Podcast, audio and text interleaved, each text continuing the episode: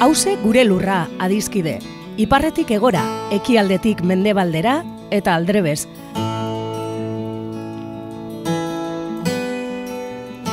Lurra bakarra dugu edo gaituen lur bakarra da hause. Eta zaintzak dan hori dagokigunez, hemen horretaz egingo dugu berba. Lurraren zaintza kontu ekonomiko, ekologiko eta politikoa da, baita kulturala, kolektiboa eta publikoa.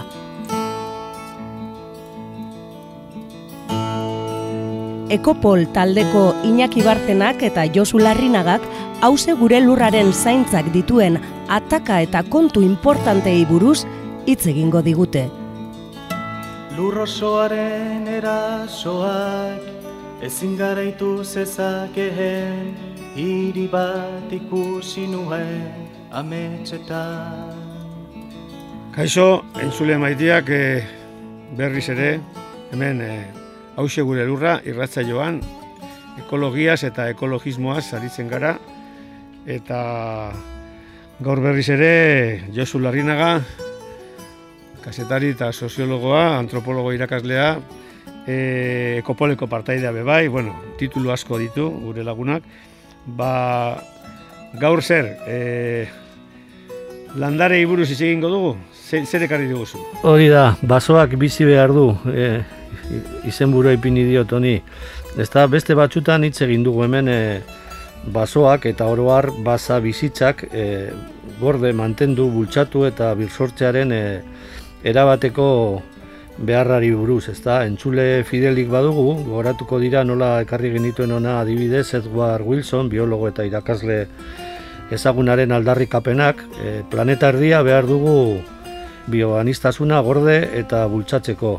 Beste erdian gure espeziaren e, espazio aldaketa eta erainkuntza eta espazio bizien erailketak e, mantentzeko erabili dezagun, tira, baina behintzat beste erdi horretan planetan gurekin dauden beste izaki bizidun guztientzat e, izan pizti, zein landare, liken, ziza eta mikrobio virus eta abarren e, biziraupena erabate beharrezkoa dugu bentsat hori planeta erdia, planeta osoaren osasuna mantentzeko eta baita ere gure osasunerako, ez da? Guk ondo bizitzeko bioanistasuna behar beharrezkoa zaigu, kontu hori desorekatzen danean, hor daukagu ba, adibidez COVID bezalako fenomenoaren e, ugalketa, ez da?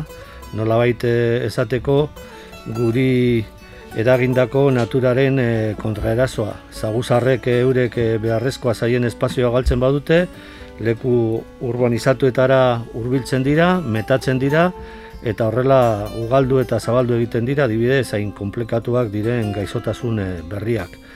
Garai berean ere, George Monbiot, ekologista britainiarraren planteamenduak jaso genituen, bera oso aktivista da, adibidez bere herrian, Inglaterran eta Galesen, praktikatzen den eh, baso ganaderitzaren kontrakoa.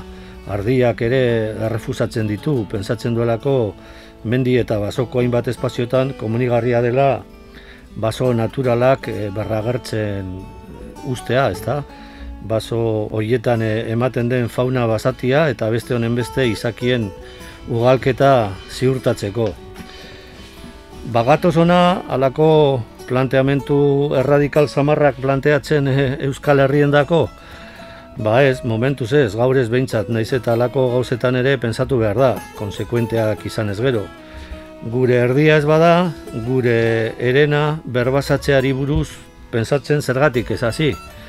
Azken urteotan, e, entzun da, nazio batuek bultzatu eta bionextasuna ikertu eta babesteko plataforma nazioartekoa eratu dela, eta organismo horrek egindako txosten esanguratxo eta eragin handikoaren e, erredakzioan oso parte hartze importantea eduki duela, adibidez, e, zientifiko euskaldun batek, Unai Pascual, gure lankidea, alegia, hori entzuten denean jende asko, agintariak ere eta oposizioko politikariak ere, eure arrotasuna erakusten dute guk egiten dugun moduan. Baina gero, gero zer egiten dugu egunerokoan. Utsaren urrengoa balitz, gaitzerdi. Ez ere egingo ez bagendu, gaitzerdi, ez da? Baina agian horrela behi anistasuna joango zen pizkanaka pizkanaka bere espazioak irabazten. Nola baito oso maila txikian, iazko konfinamenduan gertatu bezala. Baina ez, hemen eh, kontrakoa egiten da, hemen naturaren espazioa egunero txikitu egiten da. Txikiagotu, murriztu alde batetik, eta baita txikitu, apurtu ere bai. Urbanizazioak, azpiegitura lineal handiak, orain pandemia dela eta badirudi baserrien gentrifikazioari oraindik beste bultzada bat emango zaiola, panorama negargarria gero. Gaur e, hiru adibide eman nahi dugu. Hiruak ere oso oso gaur egungoak, e, baga eta oso oso larria dena eukalipto bultzada batez ere Gipuzkoan eta Bizkaian, batez ere Bizkaian eta Arabako e, kantauriar partean, pinuek kalte nahikorik ez bazioten egiten bioanistazunari, monokultibo horrenak e, egin duenean, hain zuzen ere monokultibo izategatik plaga izugarria jaso dituzte pinu landaketek, bazer bultzatzen da horren e, Horren ordez, disimulu zenbaitez diputazioetatik eta disimuluri gabe basogintza elkartetatik, ba eukalituak. E, beste gunean aditu batek esaten zuen e, aldi berean lehorteak eta ualdeak e, eragiten dituztela eukalito landaketek, ezta? E, landarera bat e, arrotza da, ez da bat ere aproposa gure baso eta mendietarako, eta bueno, ba, hori egiten du, ezta? Era bat e, lehortu lurra, era bat e, zikatu, e, errekak eta iturriak desagertarazi askotan eta gero, ba, euri bortitzak daudenean, ba, ugoldeak eragin e, nolabait e, lurraren e, alde superficiala eta emankorrena era bat e, eramaten duelako urak e, itsasora, ezta? Eta zera, zuteak egon izan ez gero, hori ja sekulako desastrea da, eukaliptoek e, badira e, zuteak e, areagotzeko oso vektore importanteak. Sortzen ari da horren kontrako ahots e, anitzeko mugimendua, batez ere adituen aldetik, baina askoz gehiago behar da e, oso kalamidade handia suposatuko duen e, prozesu hau e, gelditzeko. Biga, adibidez, aralarren baso bide edo tapisten ugalketa. Monbiotek esango luke, ba, espazio hori ez da naturala, ez da bioanitza, erabat humanizatuta dago, hartzantza tradizionala eren e, favorez. Ados, baina orain e, urbanizatzen ari dira, ostalaritza, turismoa eta hartzantzaren degradazioa bultzatzeko. Iga, orain txu, e, bastanen, aktivistak e, akampatuta daude arostegiaren proiektua galarazteko ganadaritza estensiboaren espazio batean, aberatzentzako luzuzko urbanizazioa eta golf zelaia egin nahi dute. Eta laga eta boga eta zega segituko algenu arabako parke eolikoekin edo eta e, supersurren e, zabaltzearekin e, e, hemen Bilbo aldean, ezta? sinistezina, baina Euskal Herrian geroa ez iragan, iragana, iragan beltza dugu ate joka, horrela gabiltza. E, urrengo baterako utziko dugu galdera bat, e, baso borroka, herri borroka alda, monki brentzin edo ekosabotaia delakoari buruz e, hitz egin dugu jadanik e, irratza joanetan, eta urrengoan ekarriko dugu berriro ere. Bueno, ba, bukaera ba, bukaeran esaten duzuna kuriosoa da, ez? Baina bai, e, etengabe ikusten dugu agian e, zure ikuspegi antropologikotik, ez? E, etengabe onartzen dugu ditugun aurrean, eta, bueno, evidentzia bai zientifikoak eta evidentzia soziopolitikoak hor daude, ez? Nola ari garen krisi ekologiko sakonean, ez? Baina bestalde batetik, hortik ateatzeko ere bai planteatzen direnak dira e, olako politika eroak, ez?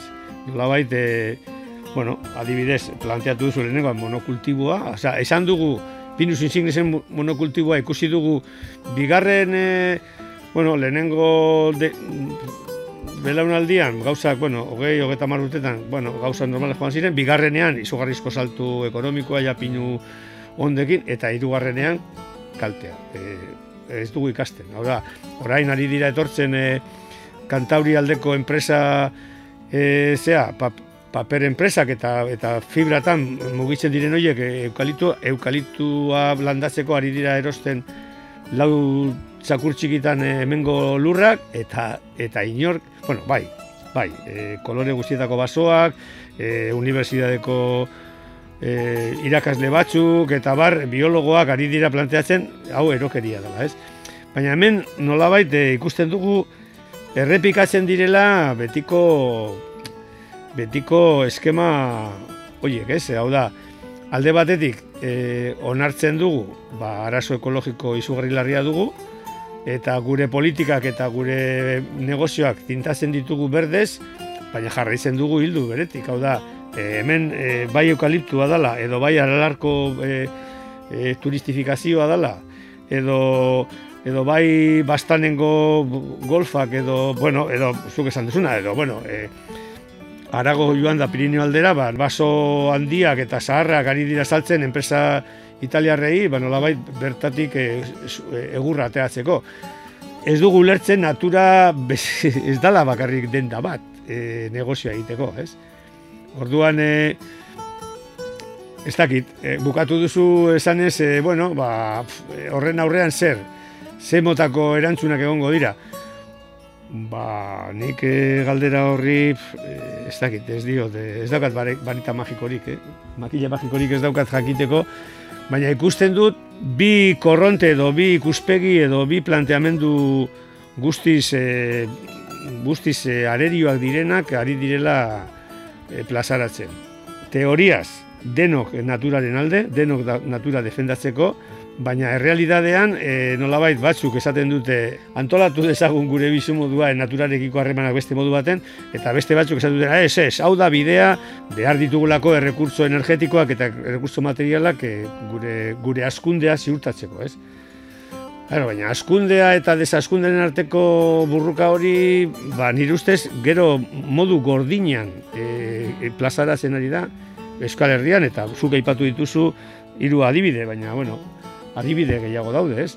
Orduan, nik bueltatzen dizu galdera gailegoen antzera, eta nondik etor lezake e, ez dakit, e, irten bidea, hau da, e, nik ikusten dutena da, hemendik aurrera gatazka. Osea, gatazka, sozio ingurumen gatazkak ezagutu ditugu Euskal milaka, baina ez dira, ez dakit, zuk ikusten duzu beste irten biderik? Ba, Galegoa ez, baina portugesa den e, Boaventura de Sousa Santos, e, soziologo ezagunak e, esaten duen moduan, inaki, ba, hori monokulturen e, e, arriskua eta arazo handia ez da, monokultura, monokultiboa, e, ni ustez pinu insigni zen e, monokulturak e, egin duena izan da Euskal Herrian e, basoarekiko kultura, e, basoarekiko ezagutza eta jakituri tradizionala nola erabat e, birrindu du, ez da, desagertarazi du, urbanizazioak eta industrializazioak ere ekarri du ba, jendea basoari bizkarra emonda bizitzea eta gaur egun baso jabe eta mendi jabe askok ba, ez daki ez da non dituen e, pinu zailak edo non zituen. Eta horrek suposatzen du ba, claro, basoa eta mendia bakarrik ikusten dela hori ba, negozio, negozio moduan ez da hori, e, orain dela gutxi irakurritako reportaje batean horri buruz e, esaten zuten aditu batzuk. Ez tege, basogin txalkartek eta esaten dute lurrasko abandonatuta dago, utxita dago, eta e, adituek esaten du ez, ez daude utxita, hor naturak bere lana egiten ari da, eta hor bir sortzen ari da, ba, aristi baso misto bat gure e, lurraldearekin eta gure, gure ekologiarekin azkenean, bat etortzen dena, ezta? E, irakurri nuen baso zain baten e, e, zera e, kontakizuna esaten zuen orozko aldean, orain dela hogei urte abandonatutako e, alako lurzail batean, pinuak e, kendu zirela eta gelditu dela nolabait hor naturak bere lana, lana eginda, eta jadanik e, aristi batzuk moztu dituztela egurrarako, hogei urtetan. Hau da, normalmente eukaliptoen eta pinuen abantaia da euren zikloa motxago dela eta nola jendea negozio ikusi nahi duela bere bizitzan eta ez e, zeme alabentzako utzi, ezta? Baina problema da hori, nola baitu lertu behar dela ere naturak naturaren alde egiten duela, baina gure alde egiten duela eta gure alde ere egin alduela ekonomikoki, baina guzti hori e, bir sortzeak ba, eskatzen du ere politika publiko ausar bat eta ez orain egia da segurazki administrazioan dauden adituen presioagatik adibidez Bizkaiko diputazioak orain esaten du ja orain dela 12 urtetik ona ez duela ematen e, subentziorik e, eukaliptoa landatzeko. Ba, zer gutxiago ez da baina claro bai ematen dituzte subentzioak orain e, gaizotutako pinuak kentzeko e, pistak egiteko, eta bueno, pues ja gero ez badute subvenzionatzen e, e, eukalito landaketa, ba, ze, ze gutxiago. Hau da, askozaz politika ausartagoak egin daitezke, eta, eta bueno, gogoratu behar dugu, ba, sogintza elkarteak, e, publikoki finanziatutako elkartea direla, teorian, basoaren e, bioanistasuna, eta landaketaren beraren e, sustengarritasuna sustatu behar dutela, erabat kontrakoa egin dute pinuekin eta egiten ari dira orain, eta horreri ba ez dio inor, bai, berriro beharko da nola bai gatazka edo presio e, politikoa, e, politika horiek, e, politika publiko berri horiek e, azkartzeko. Esan behar da ere, udal batzuek, beste gauza batzuk egiten ari direla, urdai bai inguruan, eta beste zenbat lekutan ez da beste landaketa batzuk progatzen, eta bueno, hortik dator nola baite berri ona, ez da, baina egia da ere, e, ez bakarrik eukalitoen e, kontuan, orain horretan zentratu naiz erantzutean, e, oipatutako beste kasu guztietan ere, gatazka beharrezkoa dela monokultura horiek apurtzeko eta bioanistazunaren kultura eta biokultura eta kulturanistasuna ere nolabait sortzeko honen inguruan. Bai, ba, portugaiz aipatu duzu, ba, de Sousa Santos, berrak ez egiten digu askotan e, gizarte mugimenduen emergentziak eta eta ausentzia iburuz, ez? Nik esango nuke, bai, sortzen ari da udalerrietan, e, gizarte mugimendutatik, e, ekologismotik erantzun bat, emergentzia bat, nolabait baso politika hauek aldatzeko, baina nik ausentzia ikusten dut gure instituzio eta gure basogintzan aritzen direnen e, ezagakindazuna, ba, basoak eta landaketak e, parekatzeko, ez? Basoa da basoa, bere legeekin egiten dana, eta landaketak dira, bueno, ba, proiektu industrialak, mendian ipintzen direnak, eta oso diferentea dira, eta hori konfunditzea, ba, nire ustez da, ba, ez ulertzea ezer, ez, e, zuk aipatu dituzu lehen, ba, Edward Wilson eta Monbiot, nik, e, Bueno, bukatzeko aipatu nahi dut e, liburu gomendagarri bat, e, sentido oculto de la vida, e, Merlin Sheldrake, e, e, perretxiko iburuz, eta kontatzeko nola gure bizitzaren e, oinarri oinarrian, ba, izaki bizidun txiki txiki hori, glikenak eta algak eta batez ere perretxikoak ongoak e, daudela, ea ikasten dugun euren, euren portaeretatik nolabait bizia, e, bizitza irauteko, bizitza mantentzeko, eta beste parametroetan ulertzeko ba, bizitza mantentzeak behar duela jokamolde alde bat, aldaketa bat, ez? Eta zer, e, basoa, basoari buruzko kantaren batekari diguzu?